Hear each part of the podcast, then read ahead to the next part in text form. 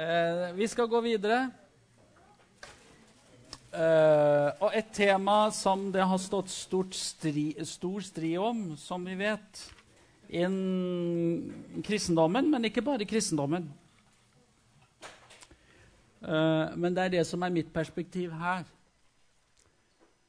Eh, og det er jo homofilisaka, eh, som handler om først og fremst om homofiles retter i kirka nå, men som på et tidligere eh, tidspunkt handlet om homofiles retter i det hele tatt i samfunnet. Og eh, ja, i det hele tatt eh, hvordan man kunne se på, på, på, på homofile mennesker. Eh, og der har det jo vært en, en veldig utvikling. Hvis man, kan, hvis man, ser på hva bispemøtet uttalte i 1954, året etter helvetesdebatten Det er interessant å se ting i perspektiv. Da uttaler bispemøtet bl.a.: Homoseksuelle handlinger bør få gjelde som de perverse og forkastelige ting de er. Sitat slutt. En veldig balansert uttalelse fra bispemøtet som kom ut den gang. Eh, men hvis vi kom, går uh, opp uh, på, på nyere, nyere, nyere, historie, så er jo det såkalte Hygen-utvalget fra 1977 eh, viktig. Hvor man der innfører et skille mellom legning og praksis. Og Det betyr man aksepterer legningen, altså det å være homofil men man aksepterer ikke den homofile praksis. Um, det var jo selvfølgelig et stykke. Uh, og denne, denne, denne dobbeltheten, den, den, den, uh, denne måten å se det på, den dominerte jo veldig lenge uh, Kirkens måte å forholde seg til homofili på. Uh, altså, det er greit Vi aksepterer legningen din, bare du ikke lever den ut i praksis.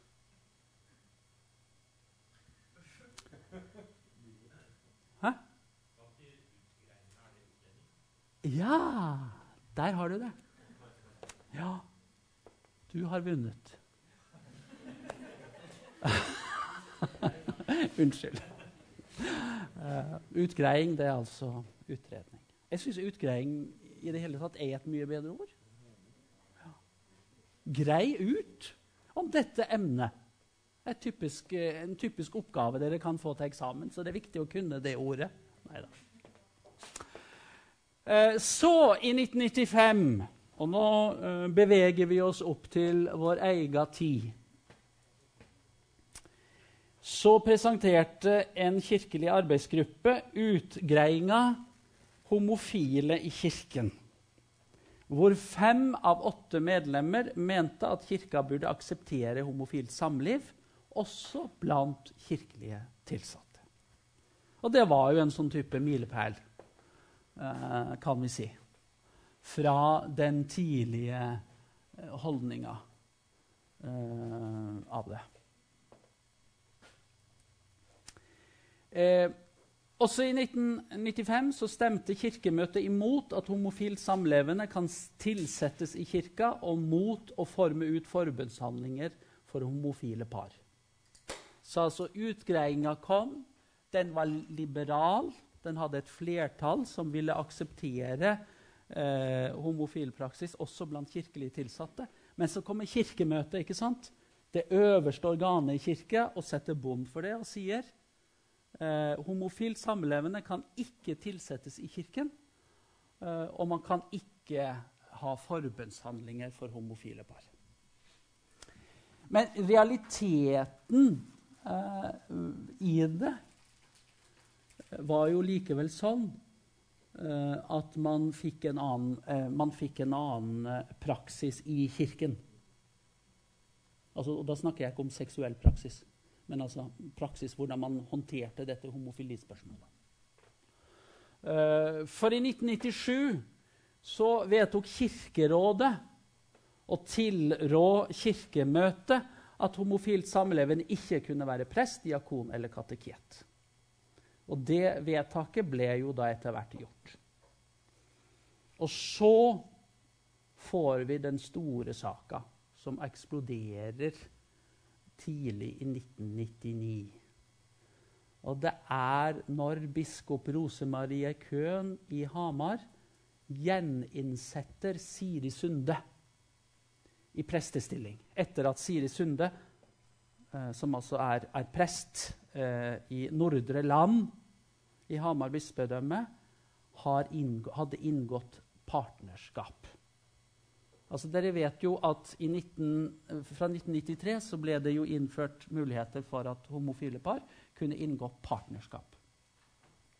Og dette gjorde Siri Sunde. Og i den forbindelse så uh, hun, ble hun av biskopen pålagt å gå ut i permisjon inntil dette spørsmålet var nærmere avklart.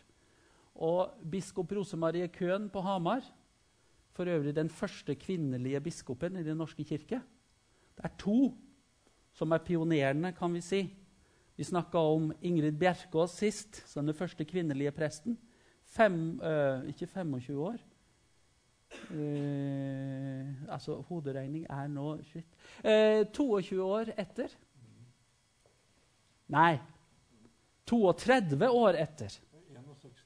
Ja.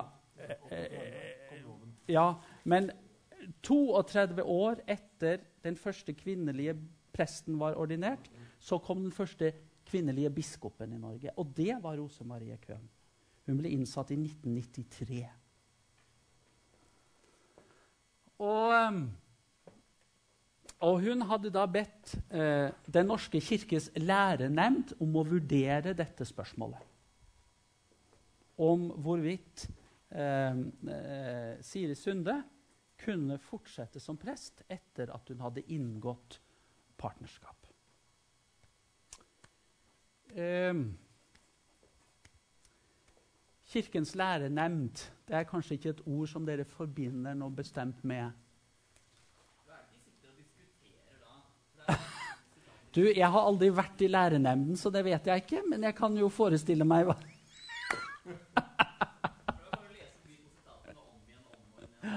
Nei, så, så, får man ulike tolkninger herfra og derfra. Så sier den teologen den, men så har vi den det, og så prinsipielt sånn, og så bla, bla, bla. Sikkert.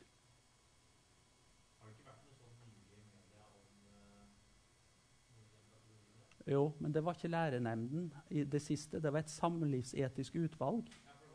Ja, ja, ja. Jeg kjenner litt tilbake til det. Jeg tar det helt opp til vår egen, til vår egen tid.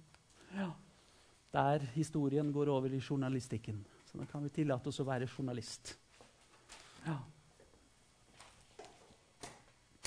Så um, Men altså eh, Lærenemnda Altså, det var eh, Det ble innført etter den såkalte Hognestad-saka på 80-tallet. Eh, som skulle være et, eh, et, eget organ bestående av biskopene og noen eh, teologisk sakkyndige i tillegg, som skulle vurdere lærespørsmål. Så den, Det organet ble initiert i 1985. Og det fikk da denne saka med Siri Sunde på bordet eh, i 1998, var det vel. Om høsten 1998 så eh, konkluderte denne lærenemnda eh, med at dette var ikke et spørsmål av læremessig eh, karakter som de egentlig skulle behandle, men de så på det som et administrativt spørsmål som biskopen selv måtte håndtere. Uh, og det som er interessant, og, og, og i, i kjølvannet av det så presiserer også bispemøtet at biskopene kan ta selvstendige vurderinger i teologiske spørsmål, akkurat som gjelder disse tingene. Og det innebærer jo at hvis det er ulike syn i bispekollegiet, så kan man få en ulik praksis i forhold til hvordan man forholder seg til uh, prester, f.eks. Uh, eller folk som skal bli prester, som lever i, i uh, homofilt samliv. ikke sant? Og det har vi jo fått til gangs.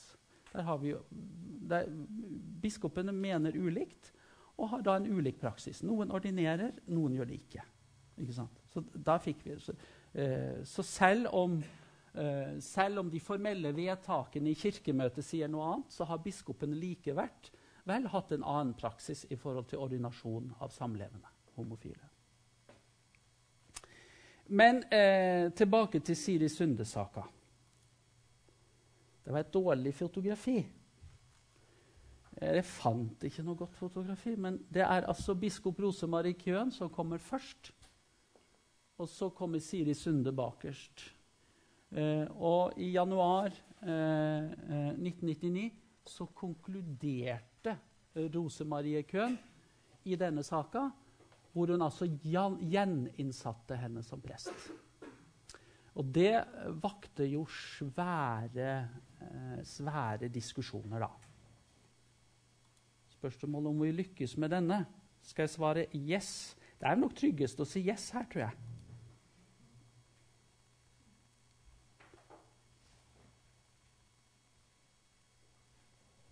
får vi håpe at lyden virker, så dere får høre dette. Dagsnytt 18. Ja. Eh, det var altså i begynnelsen av oktober 1998. Lærenemnda for Den norske kirke vil ikke behandle saken om den lesbiske presten Sigrid Sunde.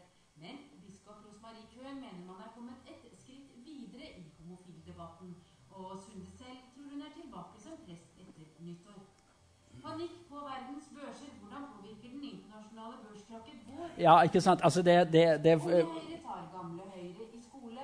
Dette, og Venstre syns Arbeiderpartiets opptreden er avskyelig. Og AUF mener Dette er nyhetsbildet denne dagen, da også denne saken var oppe.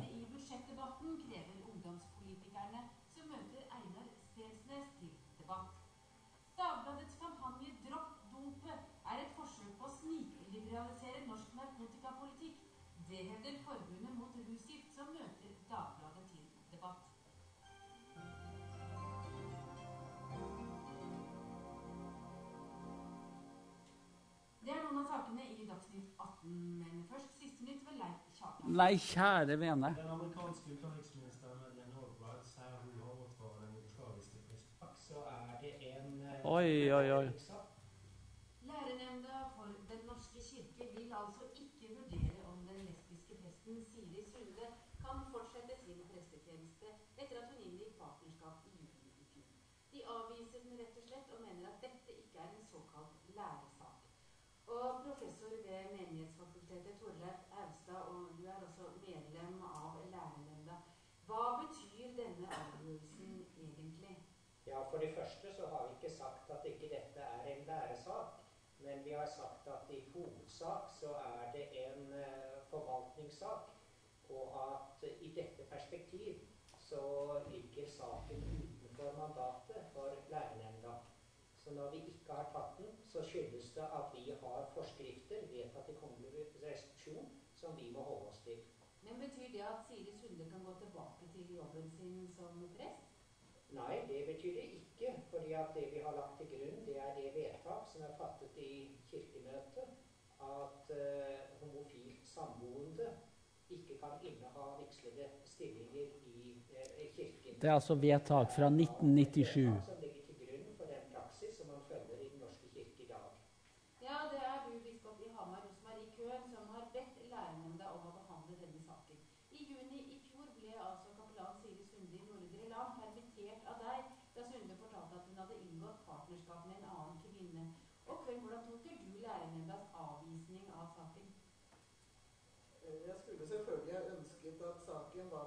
opp eh, her, eh, av eh, teologiske grunner også. Fordi det dreier seg jo her om en forskjellsbehandling av vigslede og ikke-vigslede, som jeg mener er teologisk uholdbar. Men samtidig så har jeg lyst til å si at jeg, at jeg er jo glad for at lærernemnda har karakterisert Sunde uh, som en uh, altså ikke særlig tungtveiende læresak. Eh, så det syns jeg er et, et fremskritt. Ja, hva betyr det? Altså Hvis det hadde vært en uh, tungtveiende læresak, så ville man jo ha behandlet den her i lærernemnda. Men uh, nettopp fordi man mener at den ikke så um, har man jo da avvist den. Jeg har lyst til å tilføye at vi har ikke sagt uttrykkelig at det ikke er en uh, tungtveiende sak. Men vi har sagt at det i hovedsak er en forvaltningssak. Uh, og uh, vi mener at det også er en læresak. Men vi har ikke gått nærmere inn i vårt vedtak på spørsmålet om hvor tungtveiende saken. Ja, vi skal ikke begynne å kjegle om det her, men det, eh, det står jo i vedtaket at man ikke regner en som en, det står, en grunnleggende spørsmål i sentrum av den evangelisk-lutherske lære. Men det er klart det er en eh, læresak. Men betyr ikke egentlig det som i dag har kommet fra lærenemnda, at eh, Kirkemøtets vedtak eh, i fjor bare står ved lag? At Kirken ikke er kommet noe skritt videre? Bjørn? Eh, Jeg mener at eh, vi er kommet et eh, lite skritt eh, videre ved ikke å trekke denne saken inn eh, i, eh, i sentrum eh, av det som sorterer under lærespørsmål. Ja, hva skjer videre med saken nå? Det skjer jo videre da at jeg må jo etter hvert da treffe de forvaltningsmessige konsekvenser. Men eh, vil jo da eh, ha den tid å områ meg på som jeg trenger. Ja, Det vil si at du må si opp eh, Siri Sunde? Eh, Vi får se hvordan vi kan løse dette problemet. Jeg vil ikke svare på det i dag. Men eh, hvis du lar Siri Sunde få tilbake jobben sin, eh, vil ikke du få en masse bråk da med de som mener at Kirkemøtets vedtak nå må følges? Jeg vil ikke kommentere det i dag. Det som er klart, det er at eh, Kirkemøtets vedtak eh, står ved lag og er fortsatt gjeldende praksis i Den norske. Og det er jo det som er mitt eh, store og vanskelige dilemma. Det er jo at jeg i prinsippet er enig med Siri Sunde om at prester som lever i partnerskap, at de må få lov til å inneha prestestillinger i Den norske kirke. Eh, samtidig som jeg eh, føler på en lojalitet overfor de vedtak som Kirkemøtet og Bispemøtet har eh, fattet. Men du sier et skritt videre. Betyr det finnes muligheter for at Siri Sunde kan eh, få jobben sin tilbake som prest? Eh, Det vil jeg ikke svare deg på nå i denne runden. Ja, Hvor lenge må vi vente på et svar fra deg? Nei, altså Siri Sunde og jeg vi har jo en avtale frem til eh, januar 99. Og eh, jeg vil bruke denne tiden til å områ meg. Men jeg har lyst til å si at jeg eh, utgangspunktet å være lojal mot kirkemøtevedtaket. Du Øvstad, Hva skjer hvis Sunde får tilbake jobben sin? Hvis Køhn bestemmer seg for å la henne få lov til å fortsette som prest? Ja, Det er vanskelig for meg å si i dag, men det vil i, i alle tilfeller være i strid med det vedtak som er fattet i Kirkemøtet. Da, Da blir det bråk. da er vi over i håndteringen av en forvaltningssak som eh, jeg som leder av lærernemnda ikke skal uttale meg om i dag. Disse er altså Torgeir Bergstad, som er leder for lærerne for Den norske kirke. Ja, ble dere klokere? Litt. Hva handler denne saka om? Hva fikk dere ut av det? Hvis du skal si det kjapt Kort ut fra denne samtalen da mellom Austad, professor på Menighetsfakultetet, som altså på det tidspunktet var leder av eh, nemnda, og Rosemarie Køhn, som hadde fremmet denne saka fra lærernemnda.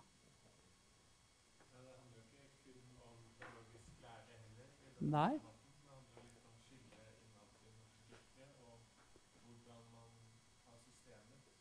Ja. Ja. Nei. Ja. går mot hverandre. Nei. Men det er, det er også prinsipielt, ikke sant? I forhold til at denne saken er blitt reist for lærernemnda. Den er konkret. Det er et konkret foranledning. Men det reiser prinsipielle spørsmål. Og Rosemarie Køhn hun sier at hun står i et dilemma. Hva slags dilemma er det? Ja?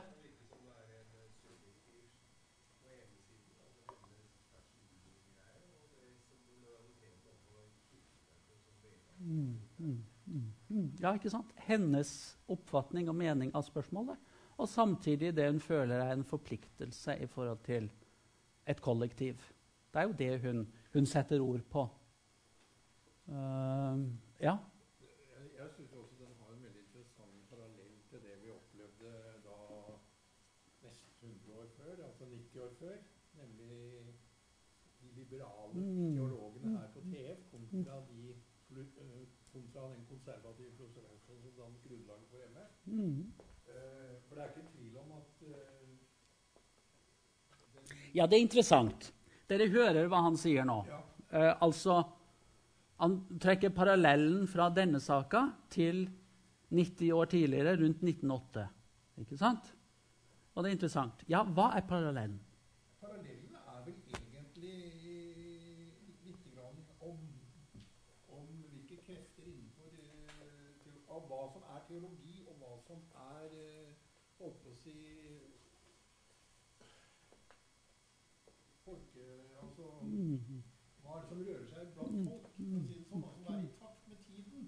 For det var kanskje hovedårsaken til bruddet også i 1908. At det var krefter innenfor kirken som ikke var i takt med det som skjedde i den akademiske utvikling. Mm. Og sånn er det vel litt her også. Det, det, det, det er én side i parallellen. En annen parallell, og den er jo viktig, det er jo det at denne eh, eh, Jeg kan spørre slik Reflekterer disse to forskjellig syn i dette spørsmålet? Austad versus Køhn. Hvordan får vi inntrykk av dette på intervjuet?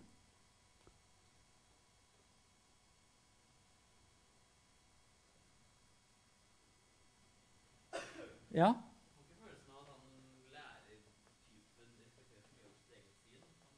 Nei. Ja. Men hva sier han? Han sier at det går imot kirkens regler Men han vil ikke si noe om sin personlige, er veldig. Ikke sant? Ja, ja.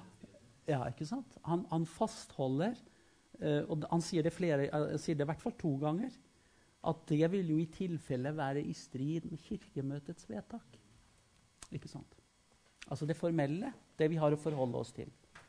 Uh, som da med nødvendighet må på en måte overprøve Han sier ikke det konkret, men jeg tror vi kan tolke han dit. Det må jo da i tilfelle overprøve en eventuelt personlig subjektiv oppfatning. Ikke sant? Det er jo egentlig det han sier.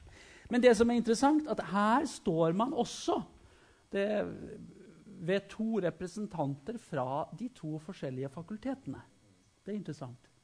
Torleif Aulstad representerer Menighetsfakultetet. Rosemarie Køhn representerer ikke TF, men hun er utdanna på TF. Hun er TF-teolog. Eh, og hun har vært lærer på universitetet i mange år. Sist eh, så var hun altså leder for Praktisk teologisk seminar som utdannet prester. Jeg hadde eh, Rosemarie Køhn som min lærer da jeg gikk på praktikum eh, i 1990. Så, så, så hun står i den tradisjonen. Og det er noe også med den der linjen ikke sant? Jeg husker at jeg sa at Kirkestriden var blitt institusjonalisert med opprettelsen av Menighetsfakultetet. I homofilispørsmålet så levde man lenge med at var, altså disse to fakultetene var hovedmotstandere. Akkurat som de var hovedmotstandere i utgangspunktet i spørsmål om kvinnelige prester. Så det går en interessant linje eh, gjennom historia eh, i forhold til dette. Så det gjør jo den parallellen veldig interessant, tenker jeg. Ja. ja.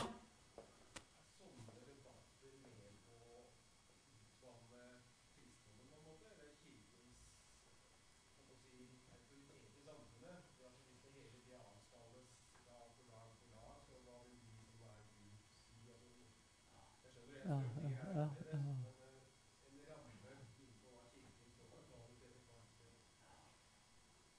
Jeg syns det er veldig vanskelig å si. Du, da må du også kanskje presisere hva du legger i begrepet utvanning. Eh, men det er klart at det handler jo om, om, om, om kirkens Altså, kirken lever jo ikke i et uh, tomt rom, i et vakuum. Kirken er jo en del av samfunnet, og det er klart at den preges jo også av de strømninger i samfunnet. Og der er det klart at i moderne tid så har det jo vært eh, store brytninger innad i kirken i møte med moderniteten. Altså, det er jo egentlig dette det er jo egentlig en del av dette emnet som handler akkurat om det. Og det får vi virkelig synliggjort gjennom disse debattene, eh, som handler akkurat om det. Hvordan Kirken og hvordan kristendommen har møtt moderniteten. Rett og slett. Og det er dette et utslag av, etter mitt syn. Ja? Det er vel mer det at de konservative sidene av kirken, som Vetle sa fra de første forelesningene, har en tendens til å stille seg på feil side av de fleste spørsmål som kommer opp. Det er ofte de konservative som Ja. snakker mest Ja. ut, og da er det der du hører Mm. Du får inntrykk av at er Ja, men igjen, dette, du sier utvanning, og du sier feil side. Dere har på en måte eh, Jeg opplever at det er, det er ikke verdinøytrale ord. nei, nei, altså, altså hvis, jeg skal, eh, hvis jeg skal stå og være avstand, ikke sant? Men jeg vil da heller formulere det sånn at man brytes med eh, moderne strømninger, og, og man får en strid ut fra ulikt ståsted og, og ulike perspektiver på det. Men jeg skjønner hva dere begge, begge sikter til. Men der må, ikke sant, hvordan formulerer man? Hva handler det om? eh, i det spørsmålet. Men det, du var ivrig på det. Du lanserte dette med feil side. Mene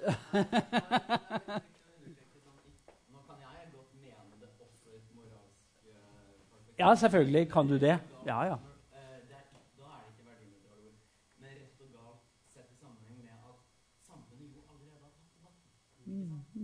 Ja. ja, ja. ja, ja. mm.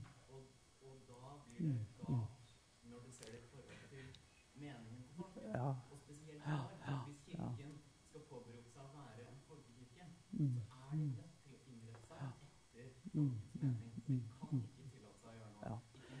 Men hvis du, skriver en, hvis du skriver en historisk framstilling, så kan du ikke karakterisere det ene synet som rett og det andre som galt.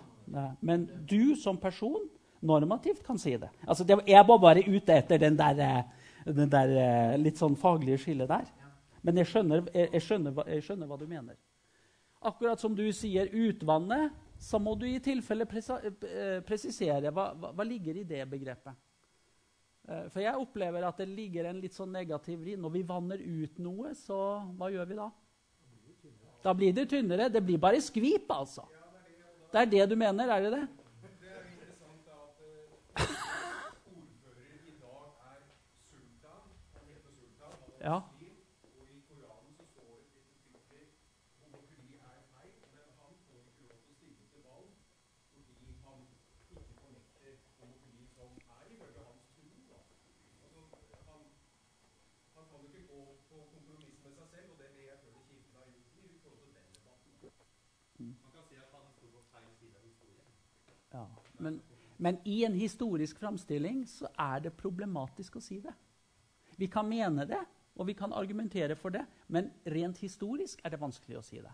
Det eneste Det kan vi jo også ha en diskusjon om. Jeg bruker ikke det ordet. Men vi ser i en del faktisk også historiske fremstillinger at når man snakker om andre verdenskrig, så kan man bruke begrepet 'de havnet på feil side'. Selv det Ja, mange kan være enige om det. og Jeg problematiserer ikke det. Men jeg problematiserer ordvalget. Eh, kanskje burde vi brukt en annen formulering. Altså rent sånn faghistorisk. Det er bare det jeg er ute etter. Men det vi diskuterer nå, og det er jo det viktige, det er jo det at hvor man også legger en normativ på det, hvor man har synspunkter, og hvor man argumenterer for det. Og det er med fullt legitimt å gjøre. For all del. Så, så det, er det er en interessant debatt. Og definitivt, debatten der var jo selvfølgelig en normativ debatt. Det kommer vi jo ikke utenom. Og Rosemarie Køhn havna jo ned på det standpunktet som for henne ble opplevd som det riktige. Ut fra hennes tolkning av Bibelen, tradisjonen og alt det. Ikke sant? Men når vi, så, så, det, så det er viktig. Men når vi skriver om Rosemarie Køhn altså Forstår dere hva jeg prøver å si? Men når vi skriver om Rosemarie Køhn, så kan ikke jeg skrive at Rosemarie Køhn hadde det rette standpunktet, og Austad det feile. Hvis jeg har skrevet det, så er det blitt slakta. Jeg kan selvfølgelig mene det, men det er en annen sak. Og det, det står ikke til debatt her. Nei, så, men det er klart det er, en, en, det er selvfølgelig en diskusjon som er normativ i det den foregår i Kirken og i samfunnet. Definitivt. Ja.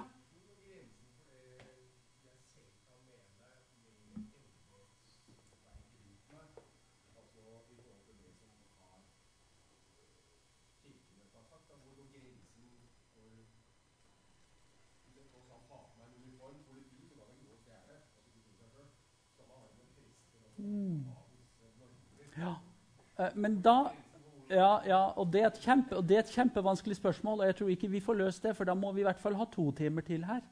Men det jeg kan si, det jeg kan si til det, eh, det er jo selvfølgelig at det spørsmålet eh, i stor grad eh, handler om Ikke bare, men eh, det handler også om eh, den kirkestruktur som, som vi har hatt i Den norske kirke. Og det, og det er et viktig poeng. Biskopene har, tilhører en uavhengig linje i den kirkelige strukturen. Slik at biskopene formelt sett er ikke bundet av et kirkemøte. formelt sett. Eh, men som Rosemarie Køhn satte ord på her, i hvert fall, hun følte seg likevel bundet av det. Eller hun var i et dilemma. Men det er jo nettopp denne embetsstrukturen som, som, har gjort at, at, at, at, biskopene er en egen linje som ikke kan instrueres av Kirkemøtet. Eh, som har ført til at de etter hvert har åpna for Selv om et flertall i Kirkemøtet ikke har gått inn for det, eh, de har åpnet opp for eh, homofilt samlevende eh, og ordinert dem. Ja, det er. Det er den lange historien. Eh, jeg snakket en del om strukturen på Gran. i hvert fall. Altså, vi har en embetslinje og vi har en rådslinje. Og utbygginga av den eh, rådsstrukturen eh, på, i det 20. århundre eh, førte til at vi fikk disse to linjene. Før det så hadde vi bare én linje, og det var embetslinjen. Da hadde vi ikke noe kirkemøte. Men det er etableringen av, av, rådsstrukturen som har ført til at vi har fått en, to, en tolinjemodell i Den norske kirke. Og som problematiserer egentlig, eller som Det svarer på det spørsmålet hvorfor ting er blitt sånn til en viss grad. Det er jo et veldig veldig sentralt poeng i nettopp reformasjonen og vår lutherske Ja. Nei. Vi, vi blir heller styrt av en konge. snakket. Yes, eh, tida går eh, fort i godt selskap, som vi sier i Nord-Norge. Eh, men det var jo ikke slutt med dette. Eh, Siri Sunde ble altså gjeninnsatt. Eh, og etter hvert så ordinerte også Rosemarie Köhn eh, homofilt samlevende prester også i sitt bispedømme. Eh, den første eh, ble vel ordinert i 2002 av, av, av Rose. Eh, så i 2006 så presenterte lærenemnda Fråsegna skriftforståelse og skriftbruk med særlig henblikk på homofilisaken. Altså nå var dette spørsmålet prinsipielt sett brakt inn for lærenemnda. Altså De avviste å behandle denne uh, særskilte saken med Siri Sunde. Men hvordan man skulle for, forholde seg ut fra Skriften uh, i forhold til homofilispørsmålet, ble nå på prinsipiell basis tatt inn og drøftet i lærenemnda. Uh, og der var lærenemnda delt. Det var ingen enighet om hvordan man skulle eh, tolke det bibelske materialet i dette spørsmålet. Og det ble ergo presentert flere syn på saka. Um, og i, i realiteten så viste jo dette at det innad i Den norske kirke Ja, det hadde man jo visst, men nå ble det veldig klart. Altså, det finnes to syn på dette spørsmålet. Og i 2007 så ble det egentlig også bekreftet av et kirkemøtevedtak at sånn er det. Eh, At Den norske kirke har offisielt to syn i homofilispørsmålet, og at det ut fra det også må bli to tilsettingspraksiser. Som jo er linja i dette spørsmålet.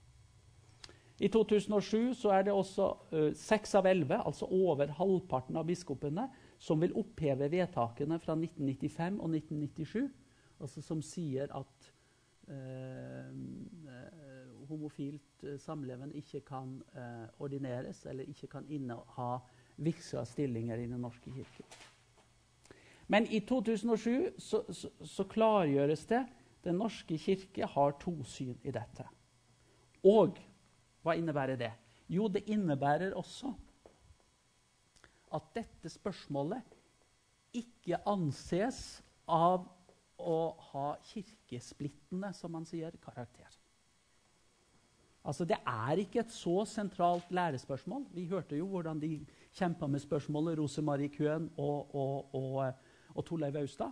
Altså, det var et lærespørsmål, men det var likevel ikke så tungt. lærespørsmål. Ja, hvor tungt? Nei, ikke så tungt. Men det var et lærespørsmål. Men så hadde det administrative konsekvenser først og fremst. ikke sant? Um, men man sier det er ikke et eh, sentralt lærespørsmål i den forstand at det er kirkesplittende. At man ikke kan leve i, som én kirke med to syn, to oppfatninger i dette spørsmålet. Og det er det som står ved lag den dag i dag. Selv om det blant enkelte problematiseres. selvfølgelig, Og det ser vi jo stadig. Uh, jeg hadde tenkt å ta den der utviklinga helt fram til i år. Ja. Nei, til neste år, faktisk. Går helt inn neste, til neste år. Ja. Jeg prøver meg som profet helt på slutten. Det er fint, det, i siste forelesning. Nei. Og i hvert fall ikke på sitt eget hjemsted. Det 2008. Biskopene vedtok forbønn for inngått partnerskap for de som ønsker det. Det er mulig å få forbønn for partnerskap legalt i Den norske kirke i dag. Eh, dette året fikk vi jo også en ny eh, likekjønn ekteskapslov. Men prester kan ikke vie likekjønna par før det blir vedtatt en ny liturgi. Uh, og der er ståa i dag. Den norske kirke har ingen liturgi for samkjønna eller likekjønna par, og kan dermed ikke vie likekjønna par i dag. Mm. Ja, uh, da har han prøvd seg som profet. Uh, to, 2009 Uh, setter så biskopene ned et samlivsetisk utvalg, og det er det du uh, sikter til. Som uh, i Kanskje? Ja, Nei, det er mulig. men det vet jeg ikke. Men i 2013 kom det med innstillinga si. De jobbet litt lenge med dette. Uh, og Utvalget la da fram innstillinga si, der et flertall går inn for kirkelig vigsel av likekjønna par. Og Det innebærer jo selvfølgelig at Kirka må ha en, en vigselsliturgi eh, for, uh, for, for, det. Det som syns jeg var interessant, det er det et flertall for. Men jeg syns det var like interessant eh, et, eh, et, annet synspunkt som kom fram i den innstillinga. Det var faktisk et flertall i, den, i det utvalget som eh, gikk imot eh, eh, heterofilt eh, samboerskap. Som jo er en veldig utbredt samlivsform i det norske samfunnet og har vært det lenge. Men det er altså et flertall i det utvalget der som går imot, uh, som sier at det er gærent. Det må jeg si at det forbauste meg uh, mer enn at et flertall uh, nå gikk inn for kirkelig vigsel av likekjønna par. Så det, det, det var interessant, tenkte jeg, tenker jeg. Ja.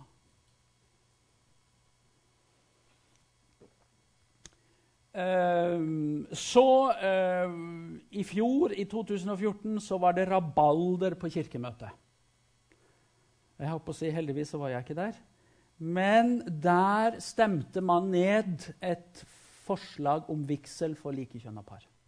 Slik at man er like langt. Og så har vi, hørt, eh, så har vi da på det kirkerådsmøtet som eh, for øvrig var samla i Bodø fra 16. til 18. september altså Nå er vi virkelig i samtida her. Så ble det bestemt at spørsmålet om vigsel for likekjønna par skal opp igjen på neste kirkemøte, altså det som er i Trondheim i 2016. Så da får vi en ny runde med dette spørsmålet. Eh, og man tror, biskopene tror, og det er vel det som, eh, som biskopen i Borg eh, refererer til, at eh, nå skal det gå ikke så lang tid før man har en slik eh, liturgi på plass. Eh, og han antyder da 2017 som en mulighet. Ja. De som stemmer imot, tror de at de kan holde det borte permanent? Mm, Nei, det vet jeg ikke hva de tror, men eh, det er deres overbevisning. Så det må de være konsekvent og holde på eh, så lenge det er mulig. Det er vel slik man tenker, tror jeg.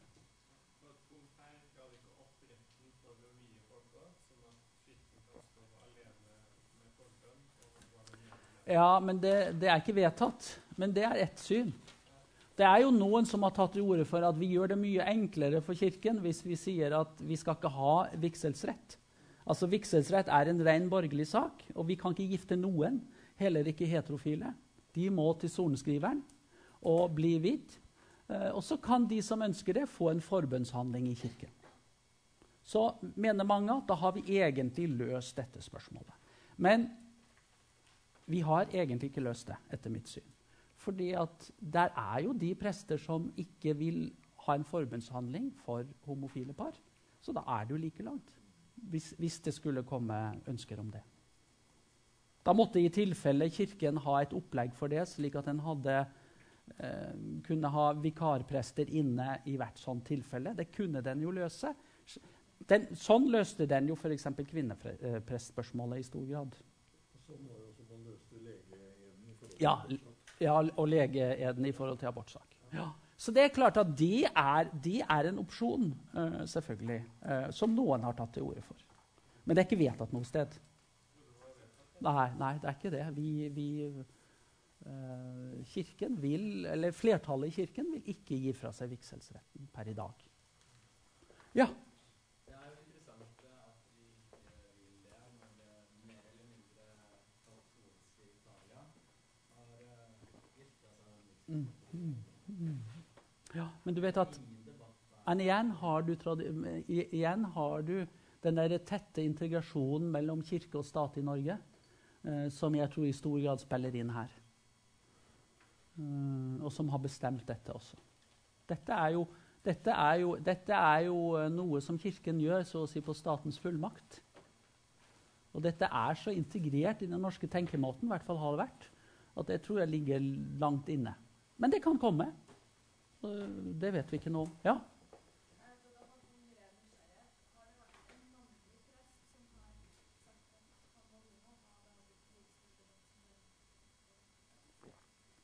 I 99? Ja, det tror jeg. Jeg tror ikke det bare er knyttet til kvinner. Men du har et interessant poeng. Det er en kvinnelig biskop. Det er en kvinne det gjelder. Eh, men jeg tror det hadde vekt stor debatt også om det hadde vært en mann. Det tror jeg. Jo, jo. Men det var denne saka som var plogspissen. Eh, mange homofile som nå er ordinert. Og uh, Rosemarie Køhn ordinerte den som da allerede hadde inngått partnerskap. Det ordinerte hun i 2002. Så hun fulgte opp eh, prinsipielt det som hun hadde gått inn for i 99, da hun gjeninnsatte Siri Sunde. Andre biskoper har jo fulgt opp på samme måte. Uh, og i Nord-Norge det- gjør jo at også Tor B. Jørgensen, biskop i Sør-Hålogaland, vil også komme inn i kirkehistoriebøkene. Jeg hadde tenkt å skrive den kirkehistoria før jeg gir meg. Uh, og da, uh, da Han ordinerte Han var den første og hittil eneste, tror jeg, som har ordinert en eh, prest eh, som levde, heterofil prest som levde i samboerskap. Så, så sånn er det. Yes, eh, jeg får ikke sagt noe om hovedinnholdet i kristendommen. Vi har hatt det artig med dette stoffet i stedet. Eh, men jeg har no lagt eh, ut noen rader i forhold til sentrale ting. Det er veldig enkelt og veldig sånn stikkordsmessig. Men dere ser også det i det avsnittet som Rian har skrevet i den boka om verdensreligioner. Det som går på kristendommen. Det er for øvrig allerede lagt ut i Fronter, så det fins der. Ellers så vil jeg benytte anledningen til å mm, ønske dere fortsatt lykke til på TFF 1002. Eh, vi møtes jo, flere av dere møte, vi møtes jo igjen eh, når det kommer til min del i 1001. Eh, som går på den aller nyeste eh, kristendomshistoria i, i det emnet. OK, men takk for nå.